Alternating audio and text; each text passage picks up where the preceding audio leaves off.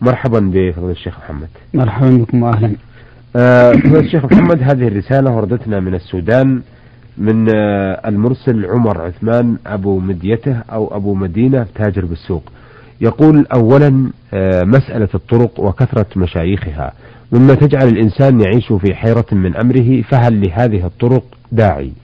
أو أن الإنسان إذا كان على مذهب من المذاهب الأربعة لا يلزمه الاهتمام بهذه الطرق. أفتونا. جزاكم الله عنا خيرا. الحمد لله رب العالمين. نحن نحمد الله تعالى أننا لا نعيش مع هذه الطرق ومشايخها. ونسأل الله تعالى لنا ولإخواننا المسلمين الثبات على الحق. أما فيما يتعلق بسؤال الأخ فإني أتلو عليه آية من القرآن تبين صحة هذه الطرق أو بطلانها. يقول الله تبارك وتعالى وأن هذا صراطي مستقيما فاتبعوه. صراط واحد. نعم. صراطي مستقيما فاتبعوه. ولا تتبعوا السبل فتفرق بكم عن سبيله. والسبل جمع سبيل بمعنى طريق. والمراد بها كل ما خالف طريق الله عز وجل فإنه طريق منهي عنه نعم. داخل في عموم قوله السبل. ثم قال ذلكم وصاكم به لعلكم تتقون. فهذه الطرق التي يشير إليها السائل يجب أن تعرض على كتاب الله وسنة رسوله صلى الله عليه وسلم وهدي خلفائه الراشدين فإن وافقتها فهي حق. وإن خالفتها فهي باطل يجب ردها مهما كان الشيخ الذي يقول بها ومهما كانت شعبيته ومهما كان أتباعه. ولا تغتر أيها السائل بكثرة التابعين لهؤلاء المشايخ لأن الله يقول وإن تطع أكثر من في الأرض يضلوك عن سبيل الله إن يتبعون إلا الظن. وقولك إنه أو يلزم واحدا من المذاهب الأربعة. الحقيقة أن الإسلام مذهب واحد وأن هذه المذاهب الأربعة التي ائتم بها من ائتم من الناس هي عبارة عن أقوال مجتهدين يتحرون بذلك كتاب الله وسنة رسوله صلى الله عليه وسلم. وليست طرقا مستقلة عن الدين الإسلامي إذ لو كانت كذلك لم يكن بينها وبين أصحاب الطرق الذي ذكرت الذين ذكرت عنهم فرق ولكنهم يتحرون موافقة الكتاب والسنة ويدعون إلى اتباع الكتاب والسنة وإن خالف ذلك أقوالهم. فأنت يجب عليك إذا أردت النصح لنفسك واستقامة دينك أن تبحث عن سنة النبي صلى الله عليه وسلم وخلفائه الراشدين الذين أمر النبي صلى الله عليه وسلم باتباعهم. حيث قال عليكم بسنتي وسنة الخلفاء الراشدين المهديين من بعدي وأن تقيس ما عليه هؤلاء المشايخ وما عليه غيرهم أيضا تقيسه بكتاب الله وسنة رسوله صلى الله عليه وسلم وخلفاء الراشدين. نعم. نعم. آه أيضا يقول في رسالته هل يجوز أكل أموال غير المسلمين حراما أم هي حرام؟ محرمة كحرمة أموال المسلمين. أموال غير المسلمين إذا كانوا معصومين. فإنه لا يجوز للمسلم أن يخونهم في أموالهم وأعراضهم. والمعصوم من الكفار ثلاثة أصناف. نعم. الذميون والمعاهدون والمستأمنون. هؤلاء الثلاثة معصومون. لا يجوز الاعتداء عليهم في أموالهم ودمائهم وأعراضهم. وأما الكفار الذين ليس بيننا وبينهم عهد ولا أمان ولا ذمة وإنما هم حربيون فهؤلاء ليسوا معصومين. فأموالهم ودماؤهم أيضا وذرياتهم ونساؤهم حلال للمسلمين. ف ولهذا هم يعلنون الحرب علينا ونحن نعلن الحرب عليهم. ثم إن المعاهدات تنقسم إلى قسمين معاهدات ثنائية ومعاهدات جماعية عامة. ويجب مراعاة شروط هذه وهذه حسب ما يتفق عليه الطرفان. نعم. نعم. آه، أيضا لديه سؤال ثالث يقول أنه لي جيران يسكنون معي ولا سبب بيني وبينهم. يدعو للمخاصمة حتى ولو كان طفيفا وأنا لم أخاصمهم أبدا فأنا أزورهم وأجلس معهم وأكرر الزيارة مرات ولم يتأثر هؤلاء ويتكرموا بالزيارة. فهل بعد هذا كله أن أجاملهم وأسير على هذا المنوال أم أنقطع عنهم؟ أم أرحل عنهم بعيدا وهو أقرب الحلول راحة للضمير فهل هذا إسلاميا أم لا؟ ثبت في الحديث الصحيح عن النبي صلى الله عليه وسلم أنه قال من كان يؤمن بالله واليوم الآخر فليكرم جاره. نعم. وإكرام الجار بحسب ما يعد عرفا إكراما ليس فيه حد شرعي فإكرامك لجيرانك بالزيارة والهدية ونحو هذا هذا من تمام إيمانك حتى وإن لم يقابلوك بالمثل بل وإن قابلوك بالإساءة. فإن الواجب عليك الصبر وعدم التخلي عن إكرامهم لأن تعليقك إكرامهم أو إكرامهم بإكرامهم لك ليس هذا من باب الإكرام الذي يدعو إليه الإيمان. ولكن هذا من باب المكافأة. فإن الإنسان إذا أكرم من يكرمه هو مكافئ. مهما كان الذي أكرمه فكافأه. نعم. لذلك أنصحك بأن تبقى في بيتك ولا تزعزع ولا تزعزع نفسك وأولادك وأن تستمر في إكرام هؤلاء الجيران وإن لم يكرموك. إلا إذا رأيت منهم أذية لا تطاق فحينئذ لا بد من الرحيل. نعم. آه، أيضا يقول آه، عن الطرق أيضا يقول عندنا في السودان عملية ذكر الله. آه، سبحانه وتعالى فعندنا يذكر معظم مشايخ الطرق بالنوبة فهل عملية النوبة هذه في الذكر صحيحة؟ وهل يجوز للإنسان أن يذكر الله بغير القرآن وأسماء الله عز وجل أو ليس من الأفضل؟ أن يذكر الإنسان الله بقراءة القرآن والدعاء. هو في الحقيقة كما يعرف لدى البعض أنهم هناك يذكرون الله بطريقة جماعية وبواقفين يلتفتون إلى اليمين والشمال ويضعون أحذيتهم بينهم. آه، وهذه تكون جماعية وقد يسقط بعض المشايخ في هذه الحالة.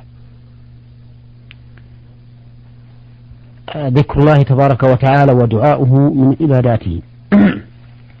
من عباداته والعبادات مبنية على الاتباع في صيغتها وهيئة, وهيئة العابد أو الداعي. فكونهم يدعون الله تبارك وتعالى على الوصف الذي ذكرت هم جماعة يقفون ويتمايلون عن اليمين والشمال وربما يصعقون. هذا من البدع المنكرة. التي لا يجوز للمرء أن يتقرب بها إلى ربه. لأن القربة إلى الله لا بد أن تكون من الطريق الذي نصبه تبارك وتعالى للوصول إليه. فإذا أحدث الإنسان الإنسان في هذه الطريق ما ليس من الشرع فإنه مردود عليه. لقول النبي صلى الله عليه وسلم في الحديث الصحيح من عمل عملا ليس عليه أمرنا فهو رد. فهذه الطرق التي وصفت كلها طرق مردودة وباطلة ومحدثة ولا يجوز للمرء أن يتعبد لله تعالى بها. نعم. نعم. آه، من المرسلة الحائرة ألف صاد عين ميم وردتنا هذه الرسالة تقول فيها أنا دائما أتوضأ للصلاة خمس مرات أو أكثر لأنني أشك في الطهارة فما هو الحل لديكم وفقكم الله. الحل لدينا أن تكثر هذه المرأة من ذكر الله تعالى والاستعاذة من الشيطان الرجيم وأن لا تلتفت إلى ما عملت بعد انتهاء عملها منه. فإذا توضأت أول مرة فإنها لا لا تعيد الوضوء مرة ثانية مهما طرأ على بالها من الشك والوسواس. لأنها إذا فتحت على نفسها هذا الأمر فربما يصل بها الوسواس إلى أن تشك في صلاتها وفي إيمانها وإسلامها وهذا ضرر وخطر عظيم. فالواجب عليها الإكثار من ذكر الله والاستعاذة من الشيطان الرجيم عند حدوث هذا وأن لا تلتفت إليه ما دامت فعلته فلا تعيده مرة ثانية. نعم, نعم. آه أيضا من السائلة المستمعة آه المرسلة سميرة بخيت المتعب. تقول في رسالتها هل تجوز الصدقة على المساكين المتواجدين في بيت الله الحرام؟ آه لأنني سمعت أن الصدقة لا تجوز في بيت الله الحرام. آه نرجو الإفادة وفقكم الله. وتعترض على تقول أنه مكان للعبادة فقط. الصدقة في المسجد الحرام وفي غيره من الأماكن لا بأس بها. ومن المعلوم أن أهل العلم يقولون إن الحسنة تضاعف بالمكان الفاضل.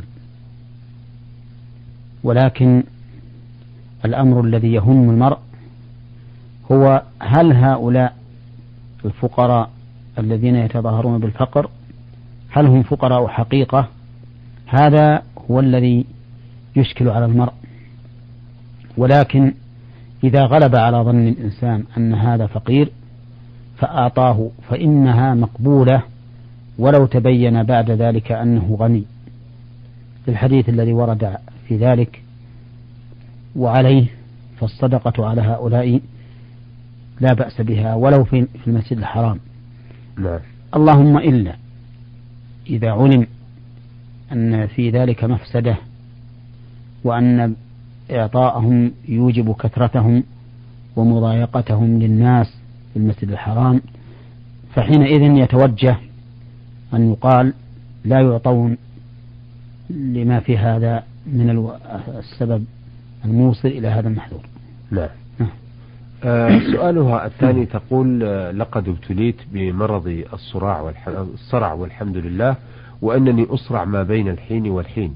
ولقد أمرني الدكتور باستعمال حبوب وتصيب الجسم بتمديد ولقد سمعت أنه يوجد بها مواد محرمة لكونها مخدرة مع العلم أنني إذا تركتها مرضت. أفيدونا أفادكم الله لما فيه الخير والصلاح. هذا الدواء الذي أشارت إليه إذا كان نافعا لها في تخفيف صرعتها وإزالتها فإنه لا بأس به. وهذه المواد المخدرة إذا أعطت الجسم استرخاء فإنما ذلك لمصلحته وليس لمضرته. فإذا قالوا أي الأطباء إن هذا أنفع لها وأنه لا يضر على جسمها في المستقبل فإنه لا بأس به ولا حرج. نعم وهذه الكمية البسيطة التي توجد فيه من الأشياء المخدرة هي لا تبلغ درجة التخدير حسب كلامها وإنما فيها استرخاء الجسم وامتداده وهذا لا يوجب التحريم. نعم.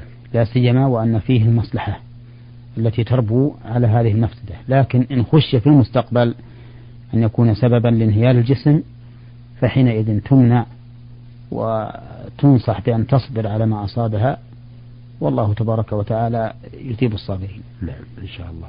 آه هذه الرسالة من المرسل وليد سليمان يقول هل تحية المسجد واجبة؟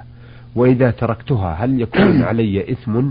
وإذا أتيت والإمام صاف للصلاة هل آتي بها بعد الصلاة أم لا؟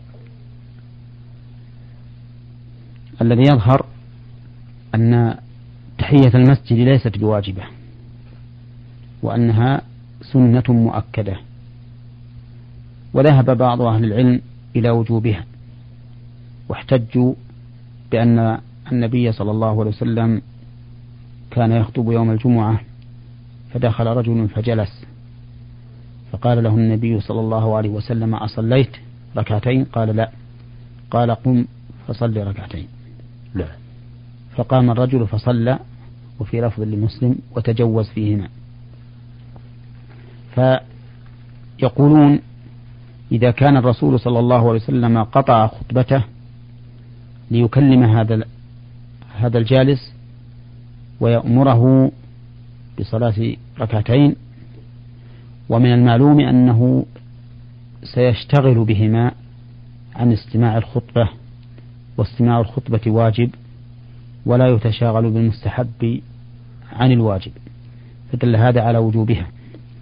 ولكن هناك أحاديث أخرى تدل على أنها ليست بواجبة. نعم. فالأظهر أنها سنة مؤكدة. لا ينبغي لداخل المسجد أن يدعها لا بعد العصر ولا بعد الفجر ولا في أي وقت يدخل المسجد ليجلس فإنه لا يجلس حتى يصلي ركعتين لأن النبي صلى الله عليه وسلم قال إذا دخل أحدكم المسجد فلا يجلس حتى يصلي ركعتين. نعم. وأما نعم. إذا جاء الإمام يصلي وصلى مع الإمام فإنه لا يأتي بهما بعد فراغ الإمام من الصلاة. نعم. لأن المقصود هو حصول الصلاة قبل الجلوس أي صلاة كانت. ولهذا يستغنى بالراتبة راتبة الفريضة عنهما. فهما ليستا ركعتان ليستا ركعتين مقصودتين لذاتهما. بل المقصود أن يبدأ الإنسان بالصلاة عند الجلوس في المسجد أيا كانت هذه الصلاة. نعم. وعلى هذا فلا يعيدها بعد فراغه من صلاة الفريضة. نعم. آه أظن فيه فقرة ولا لا؟ هل يقول يقول هل آتي بها بعد الصلاة؟ مم. وأجبتم عنها نعم. آه يقول صلاة الصبح ويقصد أيضا آه لا فيها فيها أيضا. يقول هل آثم بذلك؟ لا هو يقول هل تحية المسجد واجبة وإذا تركته هل يكون علي إثم؟ نعم. آه هذه آه لا يكون عليك إثم إذا تركتها متى قلنا إنها ليست بواجبة. نعم, نعم. آه، أيضا يقول صلاة الصبح ويقصد بصلاة الصبح تحية آه، راتبة الفجر. نعم. يقول هل صلاة الصبح واجبة؟ وهل علي ذنب إذا تركتها؟ وإذا صليتها بعد صلاة الفجر فهل يجوز ذلك؟ آه، سنة الفجر ليست واجبة. لأن رسول الله صلى الله عليه وسلم سأله الأعرابي حين ذكر له النبي صلى الله عليه وسلم الصلوات الخمس قال هل علي غيرها؟ قال لا إلا أن تتطوع. فلا يجب عليه سوى هذه الصلوات الخمس. من الصلوات اليومية التي ليس لها سبب. وعلى هذا فسنة الفجر ليست واجبة. فلو تركها الإنسان لم يأتم ولكنها سنة مؤكدة.